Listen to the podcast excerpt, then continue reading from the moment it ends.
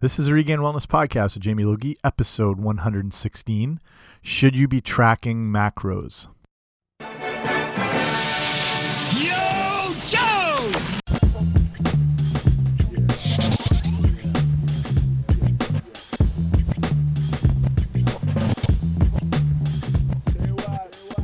Hey guys, what's happening? Welcome back to the podcast. I'm Jamie Logie. I run regainedwellness.com, and this is the Regained Wellness Podcast of the same name. So thank you for joining me here today. If you're brand new, extra special welcome.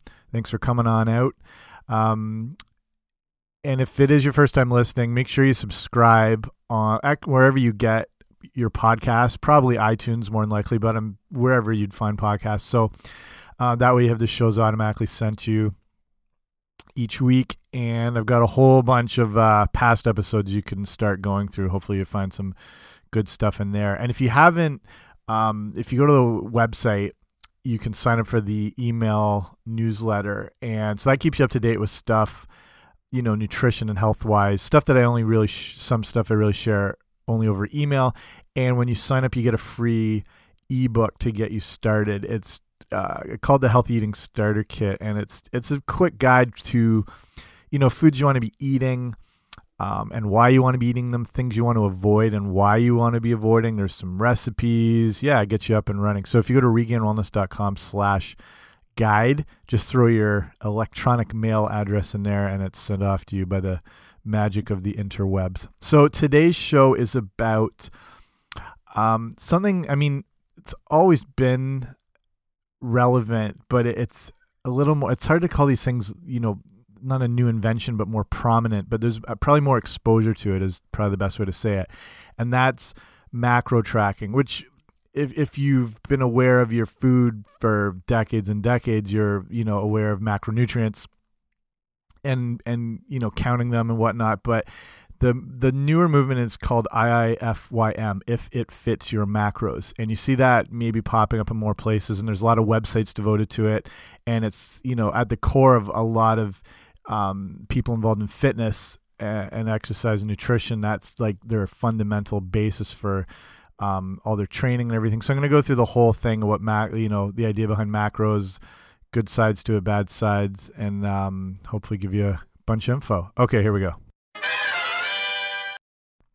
so just to start off, uh, if you're confused by what the term macros is, that just means macronutrients. It means it's the larger nutrients, and primarily where we get most of our calories from, and that would be protein, fat, and carbs. And with protein, for every gram of protein, you get about four calories. Same thing with carbohydrates. Every gram, you get four calories. And for a gram of fat, though, you get nine calories. It's more nutritionally dense. Um, and that's a good thing if it's coming from a healthy source, you know, like avocados or nuts and seeds, coconut oil, whatever, stuff like that. Um, they have a lot of health benefits as far as things, you know, like medium chain triglycerides and, you know, building hormones and, you know, all sorts of stuff. But they also, even though they have more calories, they can keep you fuller for longer. So it might be a higher, you know, caloric portion, but you're not eating as much because you tend to be more full. So that's the advantage with fats and it's high calorie um, the one thing people forget that is a macronutrient source is alcohol, and it fits into that group, and it provides seven calories per gram. Um, so, I mean, everyone always talks about those main three. Alcohol is part of that equation. So, that's what macronutrients are, and that's compared to micronutrients. And micronutrients, like it sounds, is smaller, and that would be your vitamins, your minerals, and everything like that.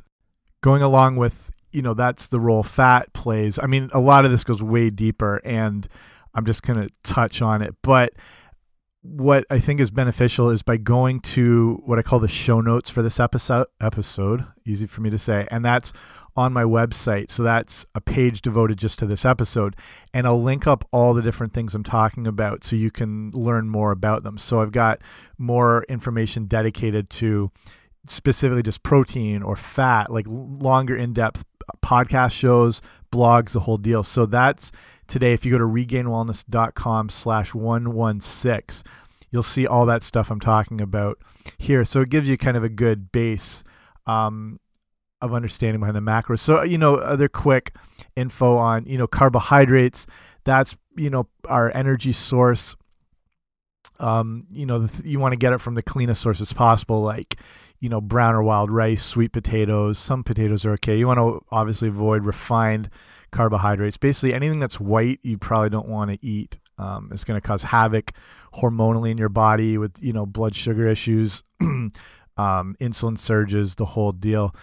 And protein, that's going to be. I mean, primarily we think of it as you know building and repairing muscle. That's a big part of it, but protein does a lot more in the body as far as you know immune system functioning. It's you know amino acids and proteins are involved with everything from you know cholesterol transporters like your HDL and LDLs. Your you know it's involved in blinking. It builds hormones, healthy hair, and everything. So I mean all these things um, can work together. As far as you know when it comes to carbohydrates, um, and we'll get more into this. The average person is probably not needing as much as they consume. Um, generally we're not that active. If if you're you know working out a lot or you work a more active job or you're an athlete that changes the conversation completely but for the average person they probably don't need as many carbohydrate carbohydrates as they're taking in because when you get into that problem of excessive carbohydrates the um, they're an energy source and when they're not used for energy they're going to be pretty likely stored as body fat converted into sort of a backup fuel source and that's what your body fat is. It's a reserve fuel tank for use when um, you know things are potentially you know famine-ish. You know, there's some sort of traumas. You know, our body doesn't know the difference between a real life famine that would have plagued our you know ancestors way back when, or the fact you've just been up all night watching a house hunters marathon and you know neglecting your body. It does it doesn't know the difference. It just knows um, it does need some body fat at some point to um, use as a backup energy source. So that, like I said, way more. It goes way more in depth than that on the macronutrients, which you can listen up on other stuff I've done. But so that moves into the whole if it fits your macros. I hate calling it a movement, but um, that's kind of what it is. Just a little more focus on those um, macronutrients and accounting if it fits your macros actually has roots in competitive bodybuilding because the you know whatever your views are on on bodybuilding if you see magazines you know like flex and like the you know freaks of nature type um exhibits on magazine stands that that's a very small niche part of bodybuilding. And obviously there's drug use involved. That's it's actually you know almost a small part of what these guys have to do as far as how their lives are devoted to it but bodybuilding in, in the aspect of um, almost more physique um, enhancement and, and fitness exhibitions and uh, you know a majority of all the competitions where it is completely clean but these guys are and girls are, have to be so dedicated to their training their diet and whatnot. So you know traditional bodybuilder diet is very bland, tasteless. Um, it's usually centered around things like chicken and turkey breast, um, white you know white fish, tons of vegetables, uh, brown rice. You know maybe some oats in there, some you know rice cakes, lots of protein shakes, egg whites, whatever. You know they basically what they refer to as clean foods. Um, but the problem is there are tradi- you know traditionally very flavorless and mundane. And that's why learning to get a grasp on cooking is one of the best things you can do to make following um, a healthy eating plan more effective. And that means really start making use of herbs spices and seasonings. So these things not only have you know herbs um, generally are really high antioxidant source like things like oregano and sage and whatnot but there's so many things you can use to enhance food that aren't going to um, affect the calorie content. It's not going to make it, you know, feel like it's like a higher fat meal you're eating. Just using things like chili powder and cayenne and, and garlic salt and uh, like there's so many different things you can make your food, which would traditionally be bland. Like I said, some of these things here into foods that almost feel like you're cheating. They're so good, and they should be like the like most chefs will use herbs. It's kind of like their the best tool they have in their back pocket to enhance meals. So it's something I'd, really start getting into is really learn about seasonings and flavorings for your food. But so you can see like how those lists there are pretty pretty boring. Um, and that's kind of where the bodybuilders were looking into you know they had this certain balance of how much protein they wanted to take in a day how many carbs how much fat and then they started to look at maybe they could play around with the numbers um, and add in some you know junkier foods as long as they didn't go over the certain like say they're shooting for i don't know 300 grams of carbohydrates a day.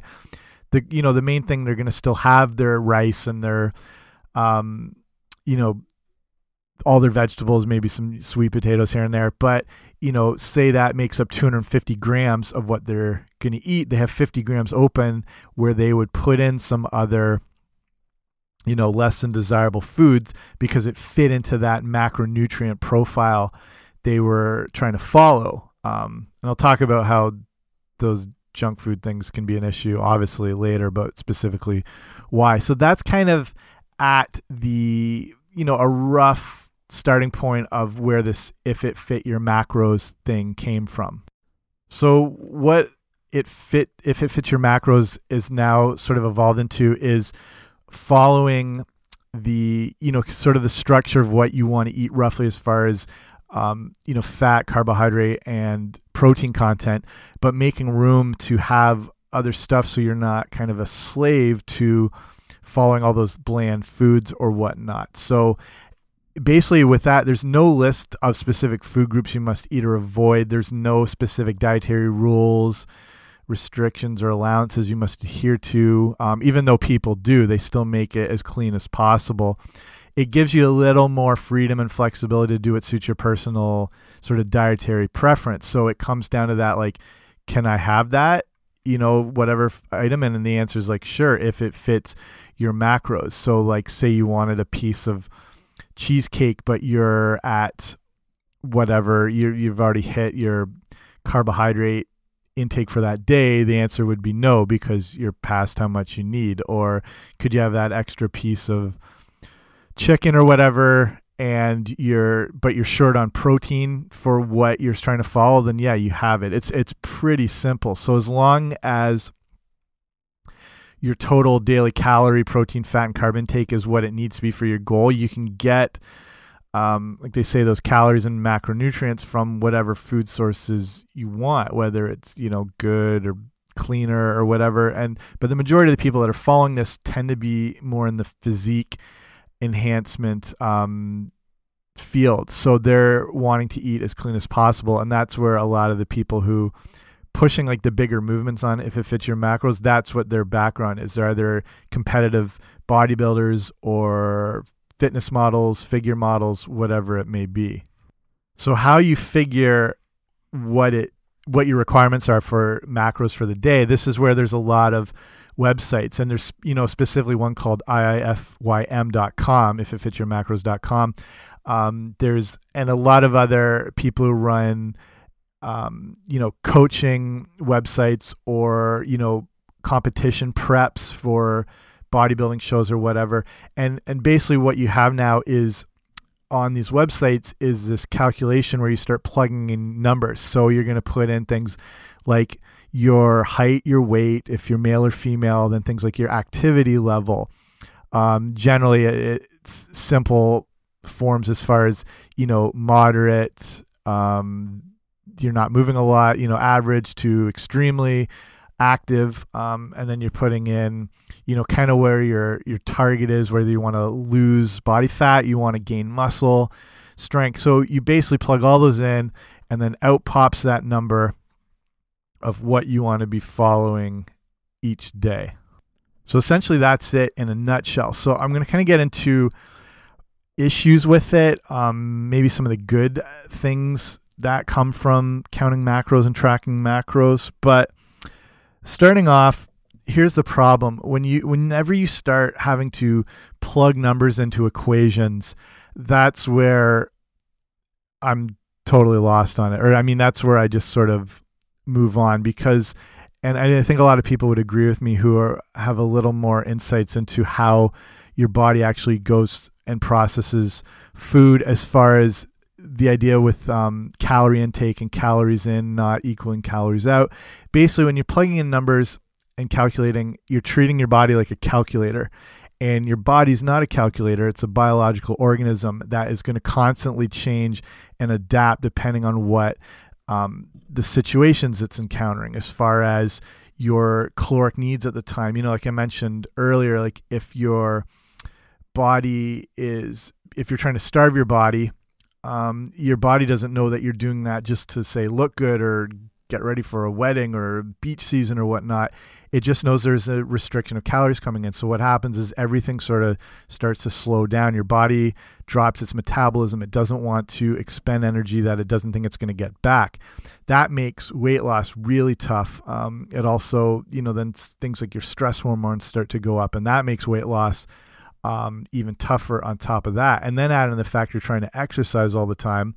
Um, and then that's, you know, you're kind of throwing fuel on the fire, but in a bad way there. And that's why people wonder why they hit plateaus or they can't lose weight. And they're like, oh, I'm only eating like a thousand calories a day. It's because your body wants to preserve, it wants to keep balance. So um, it, it's good to have kind of a, a range to follow, but that kind of leads into the next problem um, that you really have you have a rough idea how many calories are in food but that is such an imperfect science and that's where it throws the whole thing out of whack. So the first thing is i mean if if you're listening to this you probably have a good understanding of health and fitness. You probably listen to other podcasts or you do your own information but the average person has no idea what a calorie is. So if you're thinking right now and you're not sure the the definition sort of like the textbook description of a calorie is one calorie is what it takes to heat one liter of water to raise that liter of water by one degree. So it's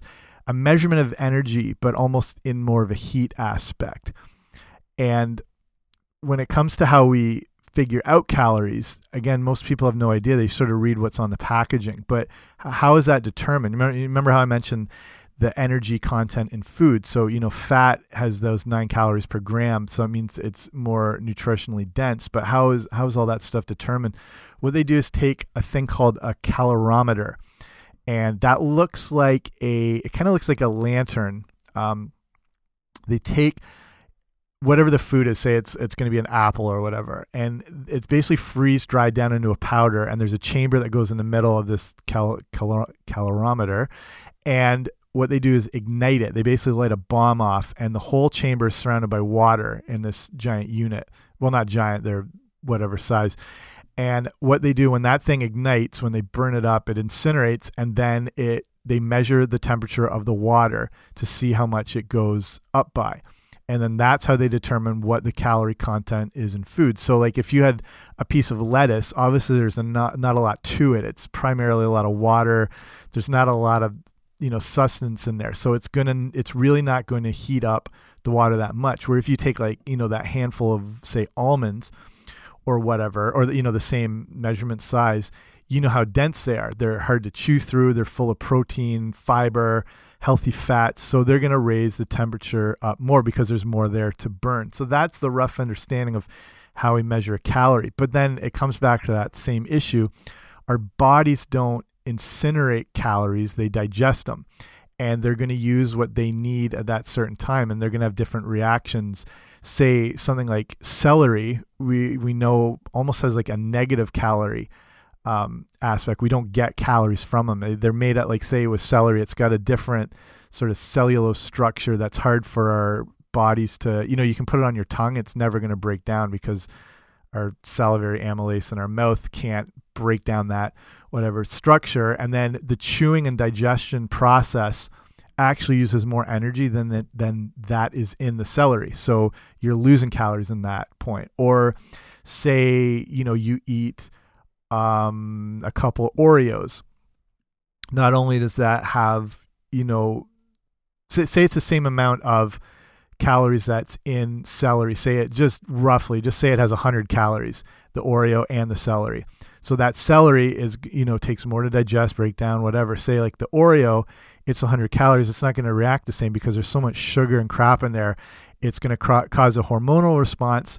Your blood sugar is going to go up. That means later it's going to go back down. You're going to have more craving. So it creates a fluctuation in the body. So that's why different calories have different things and how our body processes things different. Say like as well like protein and you have a lot of muscle tissue breakdown from workout or training or activity or whatever, your body is going to use a lot of that protein just you know for the repair and restructuring process.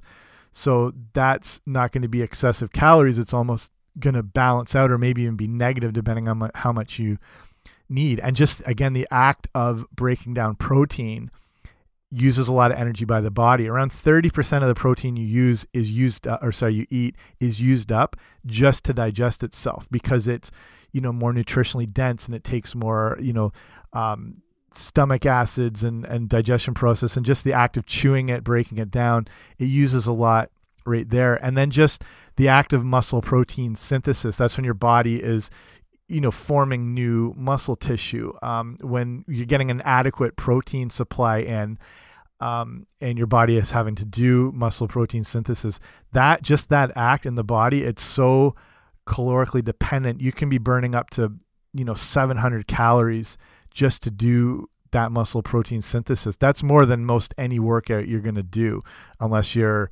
in, you know, super high end sports or, you know, high end training or whatnot. So, um, that's just, you know, how our bodies handle things. They don't, like you say, they don't go through this standard model that every time you eat, the same thing happens. A lot's going to be dependent on it. Same thing like your size and your weight and your sex and your natural hormone levels and how active you've been or the climate you're in if it's colder if it's hotter how much sleep you've got how much you know the stress levels that's going to every time you eat it's going to be a bit of a different experience. It's not going to be that constant um you know digestion process that's always going to remain the same. So like just remember that your body's not a calculator it's not a robot it's this biological organism that organism that will adapt and change depending on what it needs at that specific time.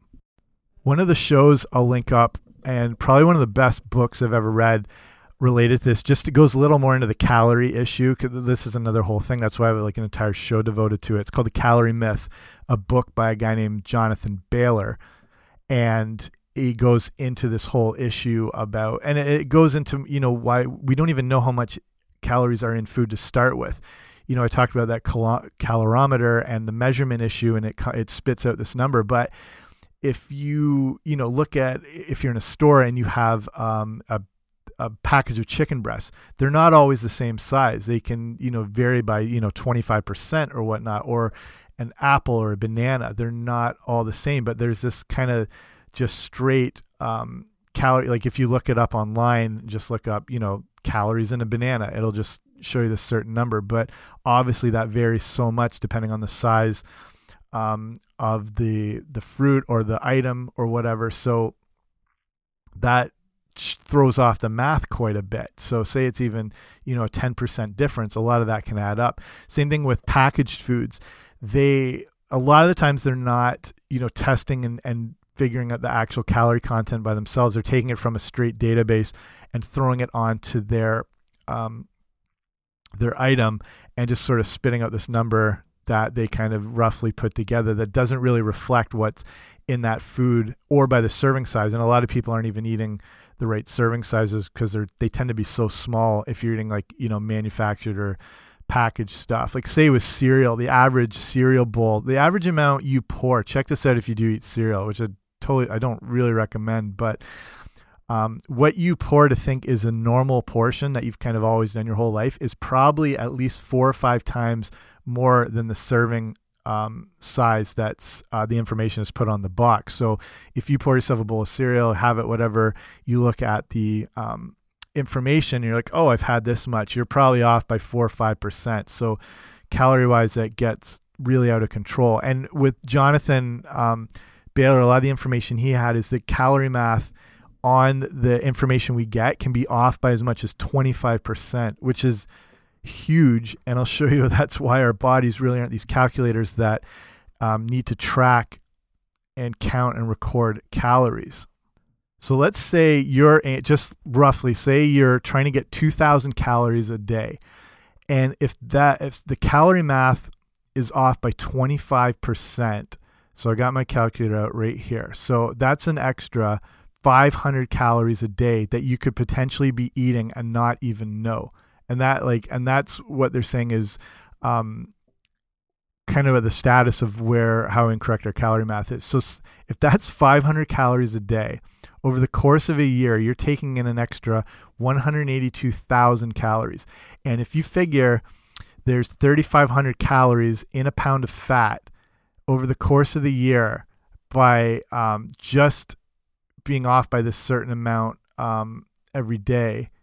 Hold on a sec. We've got an extra 52 pounds that you would have gained in that year. So, and that's that's 25%. Let's say it's being even conservative, just being off by 15%, which would be actually narrowing it in pretty good. And your goal is to eat 2,000 calories a day. That's what apparently you need to keep your weight stable.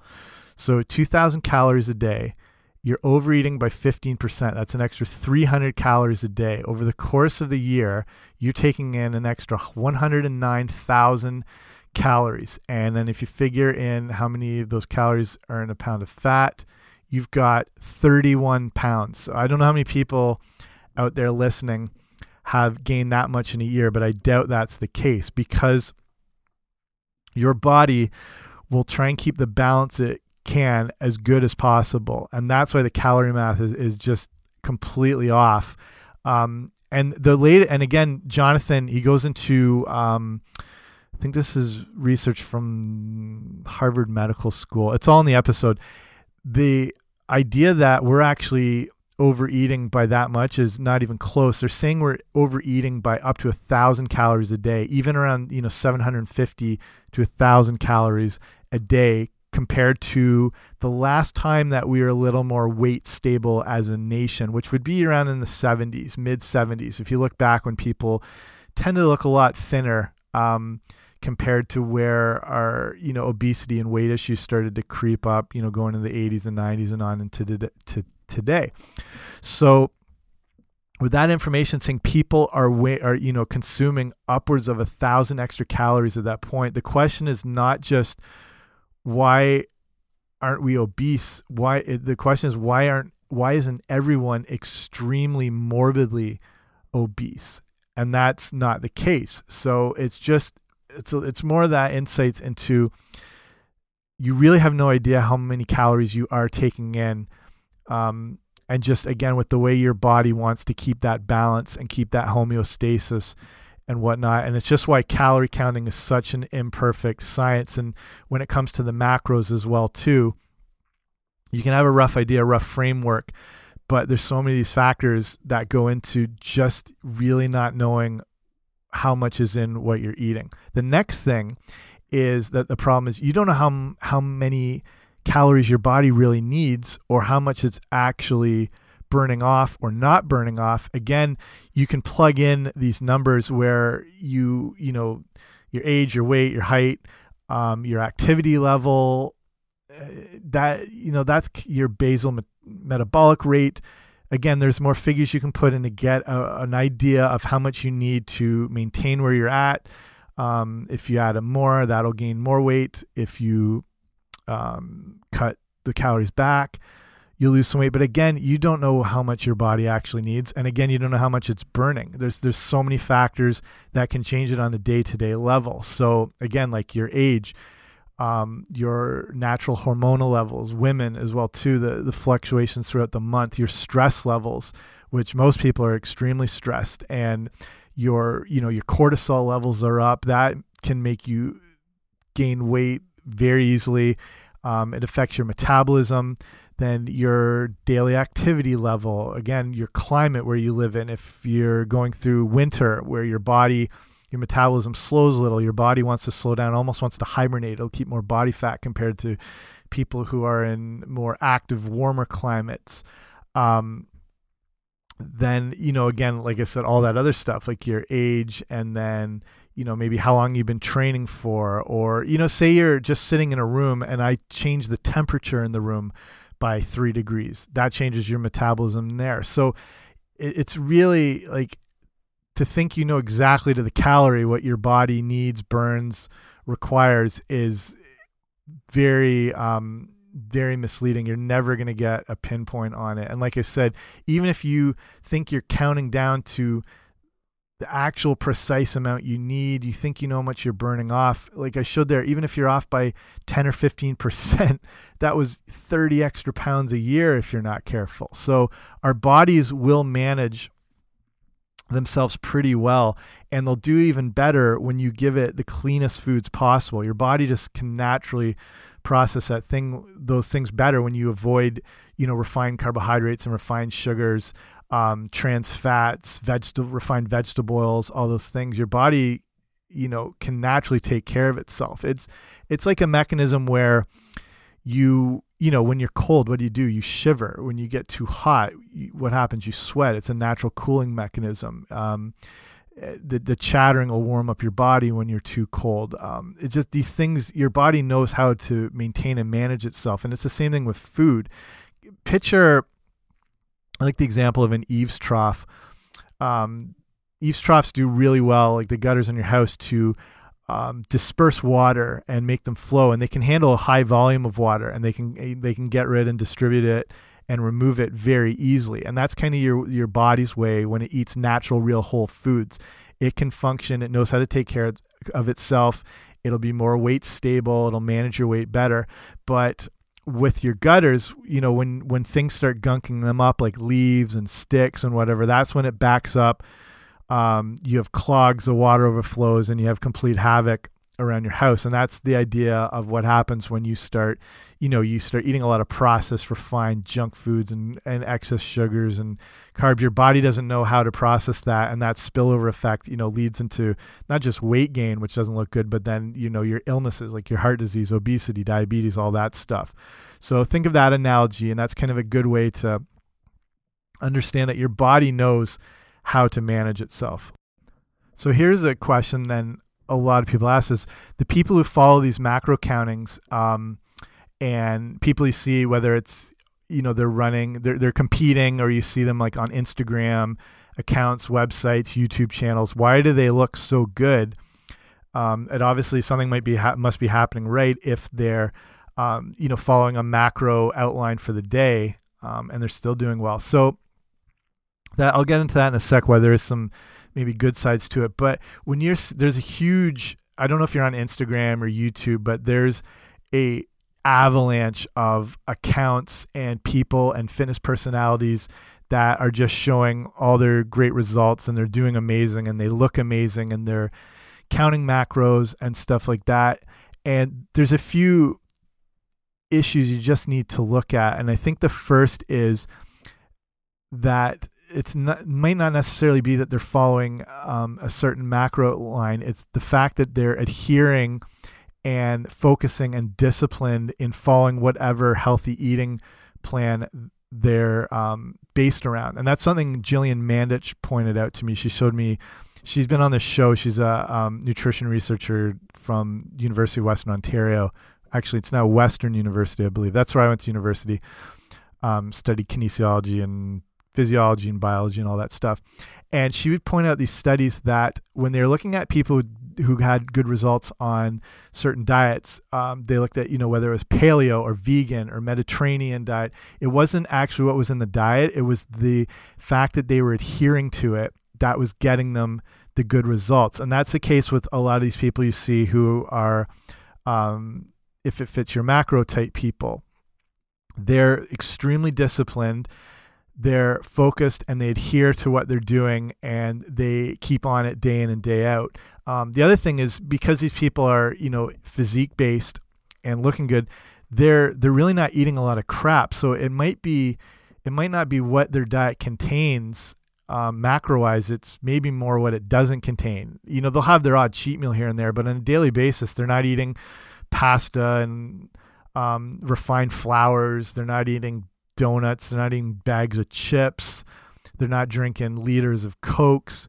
Um, and that may be as much as what's behind it. That they're they're very strict on their eating. They're super clean and they're consistent. And that's probably you know these are the biggest things from working in a ton of gyms in uh, multiple countries and in um, seeing every type of client you can imagine. These are the big things that get results discipline adherence and consistency it's almost that not that they're irrelevant but it's almost that the workouts and the diet almost are on the back seat. It's more about that consistency and focus and discipline. That's what's actually making these things happen. The other thing that um, maybe should be pointed out is when you look at again, like if you're not on Instagram or Twitter or YouTube and you're not seeing all these amazing um, physiques and bodies and um, um, dedicated training.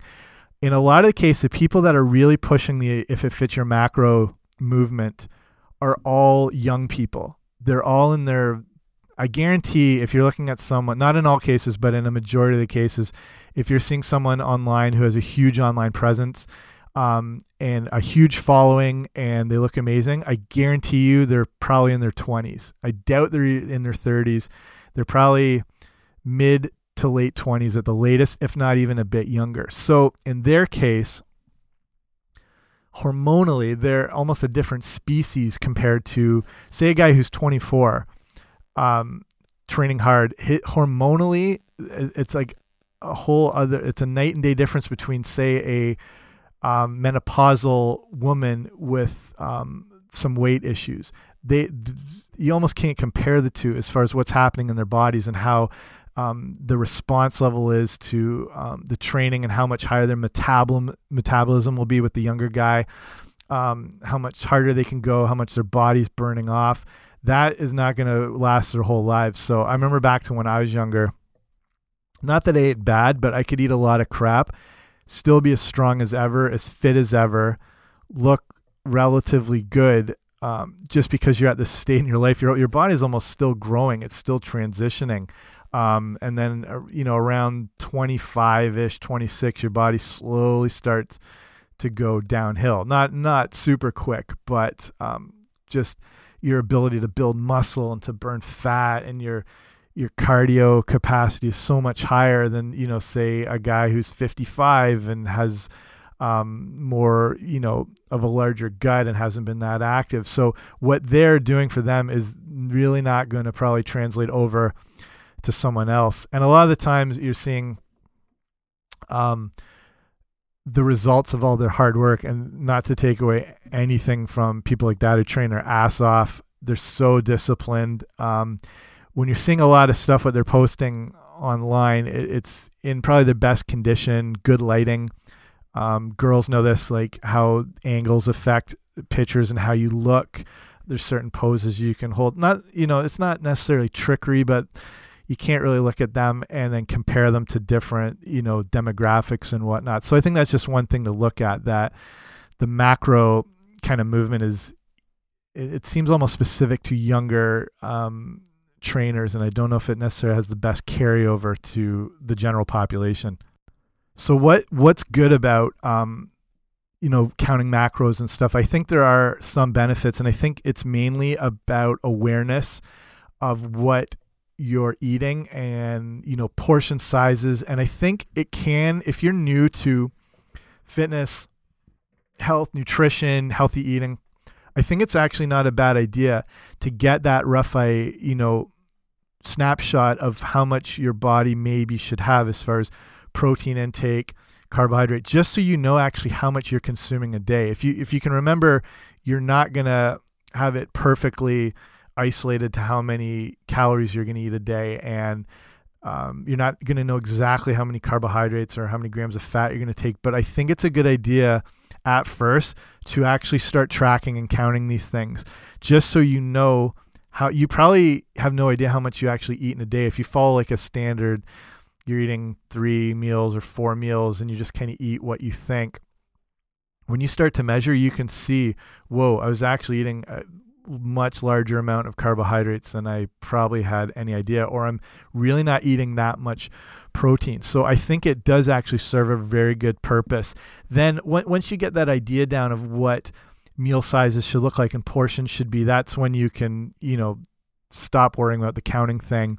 Um, because after a while, you know, I don't know how long it might take for you to feel comfortable. It might take a year, it might take six months, might take a little longer. But after a while, you're going to get an idea of what things should be like uh, portion size wise, and you won't have to worry about whatever. And that sort of leads into, to me, and what a lot of other people are recommending, as far as tracking your food is to go by portion sizes and that's when your hand comes to a good measurement tool as far as what your body needs for itself your hand size correlates well to your body size and uh, I, I did another show on this too which i'll link up that'll go into more detail but to break it down if you have your hand in front of you every time so whenever you're eating to narrow down what your portion size to look like for protein you want to look at your palm so the size of your palm and the width, that would be one serving of protein. So that's roughly around what you want to eat. If you take your fist, that would be the size of the vegetable serving you'd want at each meal. And you can have a couple of those because vegetables, you know, especially like green leafy vegetables, things like that, they almost don't count towards your calorie intake. They're so voluminous, so nutrient dense, but so low in calories, you can go nuts with them. You should be eating double digit servings of um, vegetables each day. Then, if you take your cupped hand, what would fit into that cupped hand, that can be your carbohydrate portion. And again, like I mentioned, the cleanest things like brown or wild rice, sweet potatoes, you know, fruits, berries, stuff like that. And if you're active, you want to have those like a cupped hand portion or two if you're a guy. You want those based around whenever you work out. You want, you know, a serving or two before and a couple servings after when your body's going to make better use of those carbohydrates. Um, you want to really cut them out later at night. Um, but that's what a serving size would look like for you. Then, if you take your thumb, your whole thumb size and width, that would be the amount of fat that would work well for your body. So, I mean, it's kind of it's a harder way to measure. You know, whether it's say like olive oil or coconut oil um, nuts or seeds, avocado, something that roughly measures around that. And that's going to work well with what is probably more in tune with your body. So, again, this isn't a perfect science, but neither is calorie counting or macro counting. But it's a good guide and it's something you should get an understanding of. You shouldn't just be sitting down and eating willy nilly. It's good to know um, what you're taking in and how much. And when you use this hand guide, that's a good way to determine what's um, necessary for your body. So that's basically the whole thing. Like I said, the macro counting thing is you know far from a perfect science but i think there's some benefits to it hopefully this gives you some more information but like i said go to regainedwellness.com slash 116 and i'll have all those different really good resources linked so that interview with jonathan um, way more in depth on the calorie issue. It's it's one of my best episodes. Um, I'll link his book up. I'll link other blogs. I've done stuff on the portion sizes, things on fat, things on protein. So kind of like a one-stop shop for everything you need there. So I'll cut it off. Thank you for listening. Like I said, regainedwellness.com slash 115. Sorry, 116. And then don't forget to subscribe to the show so you get kept up to date with everything. Okay, I'm done. See you later. Bye.